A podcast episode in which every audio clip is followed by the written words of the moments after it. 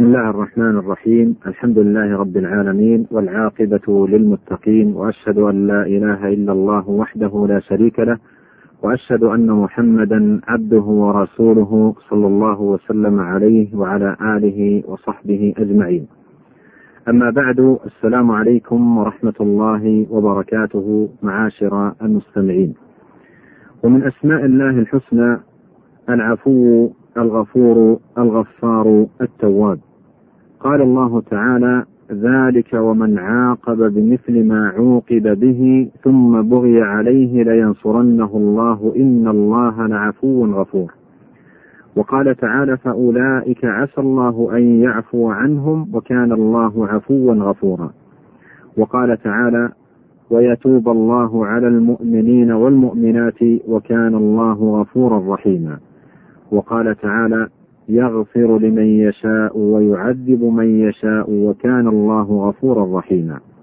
وقال تعالى وإني لغفار لمن تاب وآمن وعمل صالحا ثم اهتدى وقال تعالى وأنا التواب الرحيم وقال تعالى غافر الذنب وقابل التوب شديد العقاب ذي الطول لا إله إلا هو إليه المصير والعفو هو الذي يمحو السيئات ويتجاوز عن المعاصي وهو قريب من الغفور ولكنه أبلغ. فإن الغفران ينبئ عن الستر والعفو ينبئ عن المحو والمحو أبلغ من الستر. وهذا حال الاقتران. أما حال انفرادهما فإن كل واحد منهما يتناول معنى الآخر. والتواب هو الذي يتوب على من يشاء من عباده بالتوفيق للتوبة كما قال سبحانه ثم تاب عليهم ليتوبوا وبالقبول لها كما قال سبحانه وهو الذي يقبل التوبة عن عباده ويعفو عن السيئات ويعلم ما تفعلون والعفو والمغفرة من لوازم ذاته لا يكون إلا كذلك. ولا تزال آثار ذلك ومتعلقاته تشمل الخليقة آناء الليل والنهار. فعفوه ومغفرته وسعت المخلوقات والذنوب والجرائم. فهو سبحانه لم يزل ولا يزال بالعفو معروفا وبالصفح والغفران موصوفا. قال الله تعالى إن الله كان عفوا غفورا. وقال تعالى وكان الله عفوا غفورا. والتقصير الواقع من الخلق يقتضي العقوبات المتنوعة ولكن عفو الله ومغفرته تدفع هذه الموجبات والعقوبات. قال الله تعالى ولو يؤاخذ الله الناس بما كسبوا ما ترك على ظهرها من دابة ولكن يؤخرهم إلى أجل مسمى فإذا جاء أجلهم فإن الله كان بعباده بصيرا. وهذا من كمال عفوه. فلولا كمال عفوه وحلمه ما ترك على ظهر الأرض من دابة. ومثلها قول الله تعالى ولو يؤاخذ الله الناس بظلمهم ما ترك عليها من دابة ولكن يؤخرهم إلى أجل مسمى فإذا جاء أجلهم لا يستأخرون ساعة ولا يستقدمون. ومن هذا الباب ما ورد في الصحيحين من حديث أبي موسى الأشعري رضي الله عنه قال قال رسول الله صلى الله عليه وسلم ليس أحد أو ليس شيء أصبر على أذى سمعه من الله. إنهم ليدعون له ولدا وإنه ليعافيهم ويرزقهم. معاشر المستمعين. وعفوه تعالى نوعان. عفوه العام عن جميع المجرمين من الكفار وغيرهم بدفع العقوبات المنعقدة أسبابها والمقتضية لقطع النعم عنهم فهم يؤذونه بالسب والشرك وغيرهما من أصناف المخالفات وهو جل وعلا يعافيهم ويرزقهم ويدر عليهم النعم الظاهرة والباطنة ويبسط لهم الدنيا ويعطيهم من نعيمها ومنافعها ويمهلهم ولا يهملهم بعفوه وحلمه سبحانه. والنوع الثاني عفوه الخاص ومغفرته الخاصة للتائبين والمستغفرين والداعين والعابدين والمصابين بالمصائب المحتسبين فكل من تاب إليه توبة نصوحا وهي الخالصة لوجه الله العامة الشاملة التي لا يصاحبها تردد ولا إصرار. فإن الله يغفر له من أي ذنب كان. فإن الله يغفر له من أي ذنب كان من كفر وفسوق وعصيان وكلها داخلة في قوله تعالى قل يا عبادي الذين أسرفوا على أنفسهم لا تقنطوا من رحمة الله. إن الله يغفر الذنوب جميعا. إنه هو الغفور الرحيم.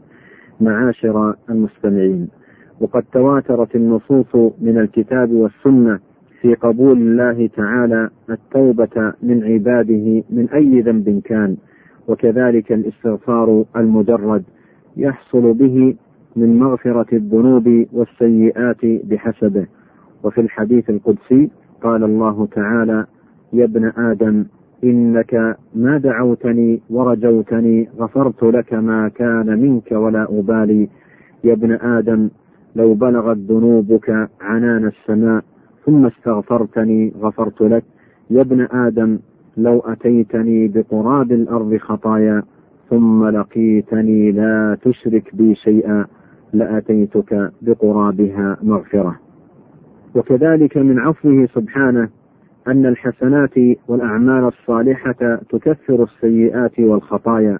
قال الله تعالى إن الحسنات يذهبن السيئات وفي الحديث وأتبع السيئة الحسنة تمحها وكذلك من عفوه سبحانه أن المصائب التي تصيب العبد في نفسه أو ولده أو ماله تكفر سيئاته خصوصا إذا احتسب ثوابها وقام بوظيفة الصبر والرضا.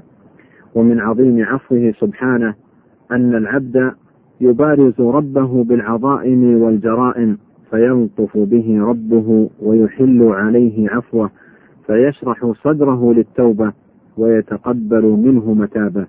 بل إنه سبحانه يفرح بتوبة عبده إذا تاب مع أنه غني حميد لا تنفعه طاعة من أطاع. ولا تضره معصية من عصى. روى مسلم في صحيحه من حديث أنس بن مالك رضي الله عنه عن النبي صلى الله عليه وسلم أنه قال لله أشد فرحا بتوبة عبده حين يتوب إليه. من أحدكم كان على راحلته بأرض فلا فانفلتت منه وعليها طعامه وشرابه فأيس منها فأتى شجرة فاضطجع في ظلها قد أيس من راحلته فبينما هو كذلك إذ هو بها قائمة عنده فأخذ بخطامها ثم قال من شدة الفرح اللهم أنت عبدي وأنا ربك أخطأ من شدة الفرح. معاشر المستمعين وينبغي هنا أن يعلم أن علم العبد بهذه الأسماء العظيمة باب عظيم لنيل عالي المقامات ولا سيما مع مجاهدة النفس على تحقيق مقتضياتها من لزوم الاستغفار وطلب العفو ودوام التوبة ورجاء المغفرة والبعد عن القنوط وتعاظم غفران الذنوب. فهو سبحانه عفو غفور لا يتعاظمه ذنب أن يغفره مهما بلغ الذنب وعظم الجرم. والعبد على خير عظيم ما دام طالبا عفو ربه راجيا غفرانه.